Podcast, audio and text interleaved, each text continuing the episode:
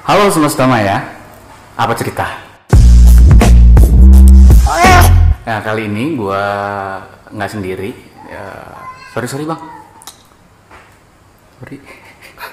Anjing. Sa- salah, salah intro. Halo semesta maya, apa cerita? Intro apa itu barusan? Ya itu deh. Sepertinya kita tidak asing. Oke, eh, balik lagi di bagaimana jika sebuah podcast kali ini. Tadi udah ada suara-suara astral ya kan, dan gua perkenalkan. Eh, kali ini gue ditemani oleh Bang Brian. Nah, bisa follow Instagramnya di @brian Wiryo Sentono. Brian Wiryo Sentono underscore pakai pakai y, pakai y, bukan pakai i Nora. Y-nya tiga. Iya tiga, Siskaye. Oke, dia ini adalah mahasiswa S2 sekolah pasca sarjana ya, kalau S2 ya. Oke. Kajian Strategik Global Universitas Indonesia. Universitas Indonesia. Oke. Nah, eh, di episode kali ini kita mau lanjutin bahasan yang kemarin, Bang. Lanjutin bahasan yang kemarin soal COVID-19 coronavirus disease 2019 coronavirus Covid nih. COVID-19, oke. Nah, kalau kemarin kita bicarain masalah uh, paradoksi agama dan sains dan juga corona, terus bicarain uh, kalau corona itu sebelum penyakitnya masuk ke tubuh manusia Indonesia, tetapi dia sudah hadir terlebih dahulu dalam perilaku-perilaku menyimpang di manusia-manusia Indonesia gitu kan. Nah, kali ini kita mau bicarain dampak dan krisis yang akan dimunculkan oleh corona ini gitu. Eh, menarik sih bang, gue ada satu kalimat yang bilang bahwa eh, dalam badai virus ini sebagian dari kita, sebagian besar manusia akan selamat dan bertahan hidup, tapi sebagian lain tidak.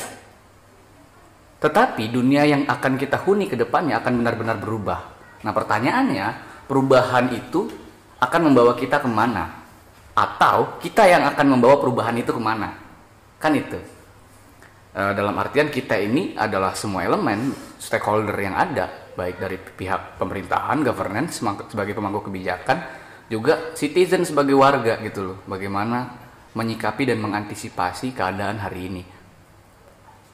Kalau kita lihat misal eh, ada fenomena WFH, work from home ya kan ya kerja dari rumah. Kemudian ada fenomena sekolah online yang mungkin kebijakan-kebijakan itu dicanangkan sudah lama oleh instansi-instansi tersebut, oleh korporasi, oleh eh, eh, eh, lembaga-lembaga pendidikan, tetapi mereka tidak berani untuk ambil keputusan di masa-masa normal untuk melaksanakan itu. Kalau di masa-masa normal, misalkan sekolah online, itu kan pasti nggak eh, pasti instansi-instansi pendidikan itu nggak bakal mau gitu loh. Tetapi hari ini kan kondisinya tidak masa-masa yang normal, bukan masa-masa yang normal, sehingga mau nggak mau mereka harus mengambil yang tadinya kebijakan mereka harus pikirkan bertahun-tahun untuk mengambil kebijakan itu, tetapi sekarang dalam hitungan hari, hitungan jam, mereka harus ambil pilihan itu. Nah, gue melihat ada satu perubahan ke situ, bang. Ada satu perubahan ke situ bahwa eh, manusia kita akan semakin ditarik, akan semakin bermigrasi ke dalam ruang-ruang publik digital. Nah, gimana menurut lu, bang, kalau soal ini? Tadi gua mau menanggapi yang pertama dulu ya. Maksud gua eh yang lu bilang terkait corona ini Mhm. membuat kehidupan manusia berubah dengan apa ya? Secara berubah dengan sangat cepat gitu. Mm-mm. Nah, berarti eh, ya betul tadi. Corona kan kita anggap sebuah kedaruratan ya. Ada kedaruratan nasional. Iya, ya, kondisi darurat global. Ya, kita bicara eh, global gitu. Nah, kedaruratan ini yang mempercepat proses-proses. Kebijakan. Yep, betul. Maksudnya eh proses sejarah manusia itu kan berlangsung ada timelinenya gitu. Iya, betul. Nah, tapi tadi gue ngahanik sedikit yang lo bilang karena kedaruratan ini mempercepat itu tadi proses sejarah manusia gitu. Yang Oke, mana ah. semua kebijakan yang harusnya kebijakan ini perlu bertahun-tahun nih, gitu ya. dengan pertimbangan mac- eh, Macem-macem. macam-macam gitu. Tapi kali ini karena corona kita sebut kedaruratan ini yang membuat dalam hitungan detik pun itu bisa terlaksana gitu. Nah itulah yang akan corona ini gue lihat menjadi eh, faktor X perubahan cepat sejarah manusia ke depan. Tadi Amor sudah bilang tentang eh, dun, apa medium digital tadi, Oke betul. ya enggak? Maka menarik nih bang. Ya. Kita- gua sebentar, Ah, gua oke. gua teringat Apa tuh, apa tuh? Yang lo sampaikan tadi teori dari Marshall McLuhan, Gimana tuh? Global Village. Oh iya iya. Bahwa Ya enggak? gua Someday kata dia pada Mhm. saat itu, someday manusia akan berinteraksi tanpa ada sekat atau batas ruang dan waktu. Tuh. Nah ini semakin semakin ke sini proses sejarah ini kan semakin eh, terlihat gitu dan semakin cepat karena corona tadi.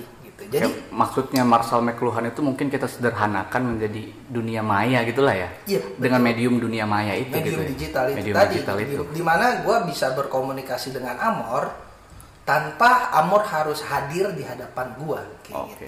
Nah ini yang yang dulu sudah sudah diproyeksikan oleh eh, Marshall McLuhan tadi. Marshall McLuhan kayak gitu.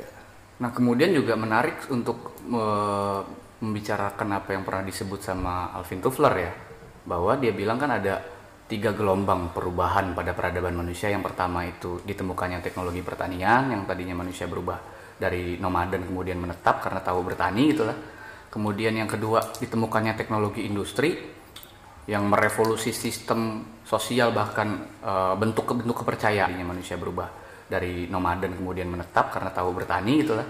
Kemudian yang kedua ditemukannya teknologi industri yang merevolusi sistem sosial bahkan eh, bentuk ke bentuk kepercayaan manusia di Eropa dan seluruh dunia kemudian. Dan yang terakhir kan ditemukannya revolusi teknologi informasi. Nah, mungkin memang kita hari ini eh, berinteraksi, berbelanja, berkomunikasi, berpacaran gitu.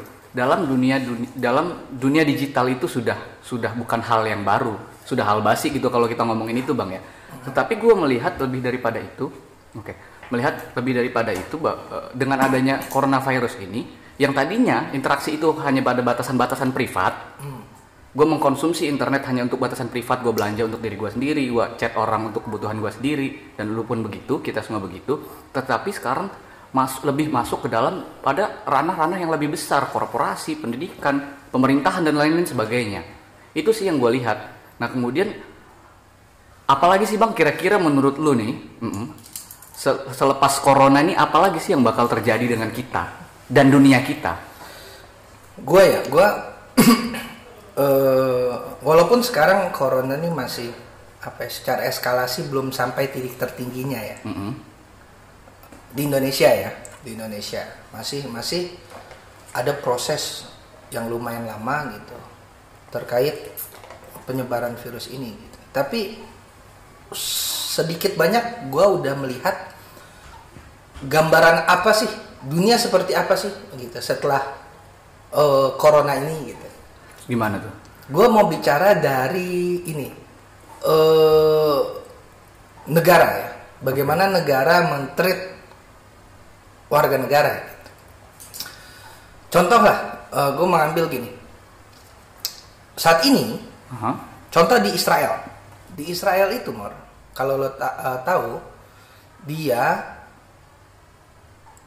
Israel melalui perdana menterinya mengizinkan agen keamanan ya, ya kita sebut seperti Bad- badan- badan lah intelijen lah ya. badan intelijennya mengizinkan teknologi yang dipakai untuk menangani teroris itu dipakai untuk menangani corona penyadapan gitu ya maksudnya macam-macam oke gimana gitu. tuh Nah, ini awalnya ditentang gitu karena eh, nggak bisa karena warga negara ya punya Hmm. hak gitu kan.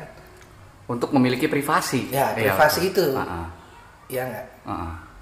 Kan waktu itu pernah kalau kalian tahu kejadian Edward Snowden yang membuka bahwa ini CIA udah apa bahasanya overlapping gitu ya. Iya, overlapping Gitu. terlalu Dia- memantau dia, dan dia memantau. memantau sampai-sampai CIA tahu person to person ya, atau door to door itu orang ngapain aja. Nah di sini kan yang menjadi apa namanya pada saat itu menjadi perdebatan gitu. Mhm. Ya pasti CIA beralasan ya ini untuk keamanan nasional gitu. Kita nggak mau lagi kejadian eh apa? Twin Tower itu yang meledak gitu ya. Gitu kejadian 7-Eleven eh berapa sih? 9-11 ya 9-11 911 itu terjadi gitu. Tapi dalam sudut pandang demokrasi Mhm. ini ada hal-hal yang dilanggar oleh negara. negara Nah, saat ini kondisinya berbeda. Ada faktor X yang yang lo sebut tadi eh, faktor X tadi karena corona yang pada akhirnya negara menerapkan ini. Bahasanya kan menerapkan sistem eh, totaliter gitu. iya dan dimaklumkan oleh Dan kita maklumkan oleh warga negaranya Gitu. Karena karena itu Cina memasang ribuan atau jutaan kamera pengawas untuk mengontrol gerak-gerik setiap warganya. Gitu. Kamera pengintai dengan eh, algoritma yang yang algoritma tertentu yang bisa ya dia bisa membaca seseorang itu ngapain aja, ke mana, siapa. bertemu siapa, dalam rangka membatasi pergerakan virus ini Hmm. dan kedua memantau kepada orang-orang yang positif corona terkait interaksi dia ke mana aja. Jadi dia bisa telusuri, gitu. Jadi- nah, jadi- ini ini nah. ini berhasil di Cina, ini berhasil di berhasil Cina di Cina berhasil. Ini menekan angka angka penyebaran corona di Cina. Nah, tapi yang tadi gue bilang karena keda- biasanya ya hal-hal seperti ini gitu. Mm-mm. Ini dijelaskan juga di jurnalnya Noah Har- Harari Heeh. bahwa oke pada saat ini kita memaklumi negara bersikap demikian gitu. Iya. Mengontrol sampai ke hal-hal yang sangat privat terhadap warga negara. Nah, coba bisa lu pikirkan nggak ketika wabah ini berhenti ya. negaranya latah nih keterusan ya kan Nah, itu yang maksud gua apa sih eh, yang terjadi setelah, setelah corona ini kayak gitu. Soalnya ini pernah terjadi, Mor. Ini pernah terjadi di eh apa namanya? Israel itu sendiri gitu. Iya sih, gua gua juga sempat membaca sih bang ya bahwa eh, itu juga bahkan bisa mendeteksi suhu tubuh lu gitu loh. Yap. Dia dipantau tuh sampai bisa tahu eh, sampai bisa mendeteksi suhu, suhu tubuh warga negaranya tersebut. Negara tuh punya algoritma itu. Lu bayangin suhu tubuh aja bisa dipantau. Mungkin suatu saat nanti kemudian ditemukan untuk mendeteksi perasaan warga negaranya masing-masing sehingga gue sih membaca mungkin saja nanti setiap warga negara itu bisa dimanipulasi oleh kepentingan-kepentingan produk perusahaan korporasi ataupun kepentingan-kepentingan produk-produk politik tertentu oleh negara Yap. kan bisa bahaya tuh Betul. Nah tadi yang gue bilang eh, Israel ya, Mm-mm. kan kita anggaplah ini sebagai solusi sementara, Iya. gitu ya.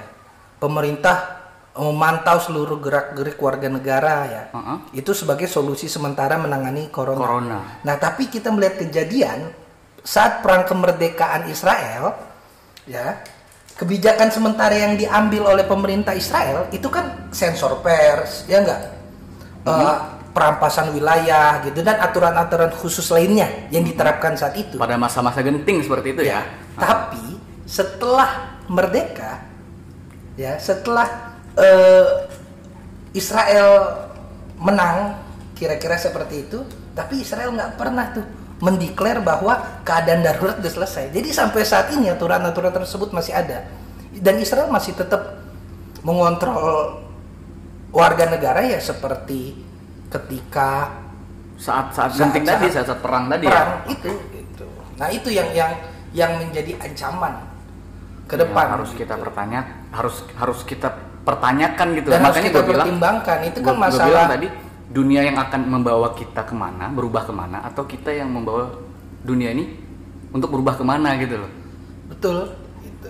seperti itu sih bang ya. Ah,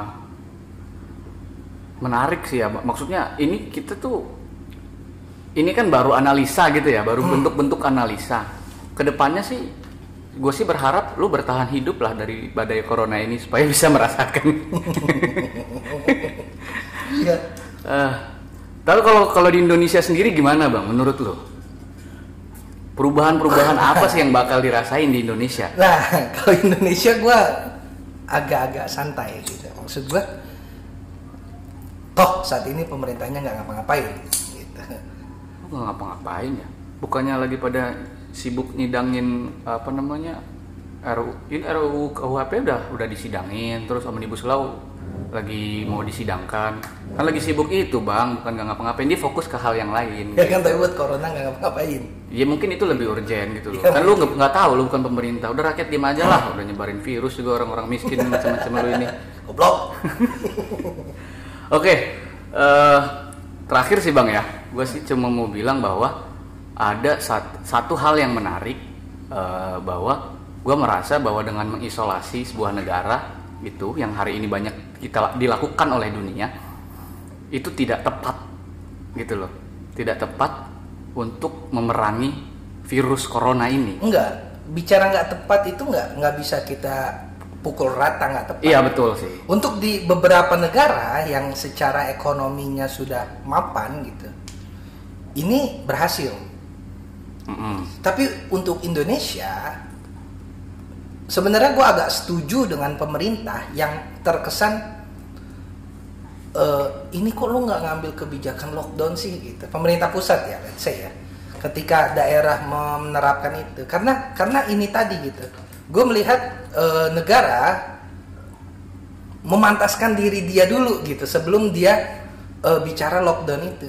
Iya, gitu. ya kita sih menganggap ya intinya satu ketahanan ekonomi kita nggak sanggup untuk Ya. itu, ya kan? Cuma gue punya pandangan seperti ini bang, Eh, bahwa is- mengisolasi itu bukan satu-satunya pilihan dan solusi gitu loh. Bahwa menarik virus apa yang bisa dilakukan manusia dan tidak bisa dilakukan oleh virus corona itu satu hal. Bahwa manusia bisa saling berbagi informasi, artinya harus ada kesadaran global. Cina bisa membagikan informasi kenapa dia berhasil kepada Amerika, ya kan? Italia bisa, ya Korea Utara, Korea Selatan bisa membagikan informasi kepada Italia kemudian kenapa dia bisa mem- memerang- mem- memenangkan perang melawan corona ini. Tapi virus yang ada di Korea tidak bisa berbagi informasi dengan virus yang ada di Italia kan seperti itu.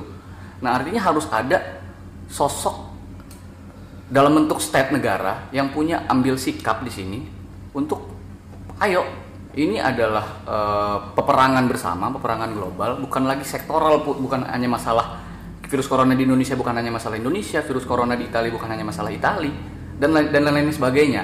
Harus ada kesadaran kolektif seperti itu yang kita lihat. Kita perlu kecewa bahwa kemarin sudah ada video conference ya dari pemimpin-pemimpin dunia G20 betul. dan gue melihat nihil gitu loh, tidak ada hasil apa-apa. Nah, artinya kembali kepada makanya ya sudah cukup sebagai rakyat, rakyat yang nggak belum bisa ngelakuin apa-apa. Bagaimana cara mengalahkan wabah ya cukup dengan seperti orang-orang pada abad pertengahan lah. Ngapain tuh? Cukup berdoa Baca kunut. dan baca kunut. Oke, skip. Jadi lanjut. Oke. Cukup Lanjut, berdoa dan baca baca kunut. kunut. Oke. Ya. Itulah menurut Tapi gue. gini maksud gue Mar, untuk menghentikan pandemi ini ya, pandemi ini gitu. Kita sebagai penduduk pertama harus taat. Taat kepada arahan. Tentu arahannya dari negara. Gitu. Wah, wah. Sebentar, sebentar. Oke, oke. Diperlukan itu gitu. Itu salah satu jalan untuk mencapai eh, keberhasilan kita melewati wabah ini. Mhm. Tapi yang jadi pertanyaan di Indonesia ya tingkat kepercayaan kita terhadap negara itu seperti apa kayak gitu kan itu, yang jadi masalah Nah itu tuh ibarat kayak gua ngechat mantan, terus gue bilang sayang dan kangen sama dia dan dan, dan lu tahu respon dia, lu tahu kan lu udah nebak lu respon dia. pengen doang, anjing, "Alah, lu gitu tuh sange doang, ya." anjing gitu. itu tuh nah kayak itu gitu maksud gue public trust itu yang yang Iya ini public trust rakyat Indonesia gitu. itu kayak Karena- public trust mantan gua ke gua lah kayak iya gitu jadi gitu ketika Ah, lo bilang kangen ya. Lu tuh engas doang anjing gitu. Enggak, tapi bener maksud gua public trust ini harus diatasi gitu. Maksud gua biar kita ketika mendapat arahan apa nih, yaitu kita samina wa ta'na kayak gitu. Ya, sekarang cukup Samina wa Asoina kayaknya ya. Sama pemerintah lah ya. Skip lah kalau udah ngomongin pemerintah lah ya. Nggak sih kayak. nggak asik udah Ini dia juga nggak ngomongin asik global ya, dia keren-keren. juga nggak asik dia juga nggak asik soalnya oke bang nih sebelum sebelum kita udahin nih karena kan tadi lu bilang udah semakin nggak asik ya kan sebelum kita udahin gimana sih menurut lu dunia selepas virus corona ini Ya corona menjadi apa ya? Trigger ya. Aha. Hmm, apa bukan menjadi jembatan pada proses sejarah kita gitu. sejarah bagaimana negara memonitor orang gitu. Yang dulu ya KGB itu memonitor orang di seluruh wilayah dengan kehadiran agen-agen intelijen yang kita nggak tahu gitu, tukang bakso bawah HT, ya enggak Heeh. dan sebagainya gitu. Ya besok ke depan mereka mengontrol kita cukup dengan mem- membuka atau melihat layar besar di mana data-data itu dipaparkan gitu ya terkait eh, orang ini ngapain aja sih gitu. cenderungannya apa gitu ya, Ya itu itu yang akan terjadi nanti gitu. oke Jadi jadi menariknya di situ. Kita bicara global, kita nggak bicara Indonesia karena Indonesia masih gagap akan teknologi. Oke gitu. Oke, eh, sudah cukup. Eh, terima kasih teman-teman sudah mau dengerin podcast kita. Eh, stay tune di podcast kita selanjutnya. Gua Amor dan Gua Brian dan ada direct video apa ya? Video director kita. Bang Audio Feli. director. Audio director. audio director kita Bang. Feli. Ya terima kasih sih udah di- ngedirect kita nih. Mm-mm, udah udah meminjamkan studionya untuk kita ngambil Ambil suara nih ya.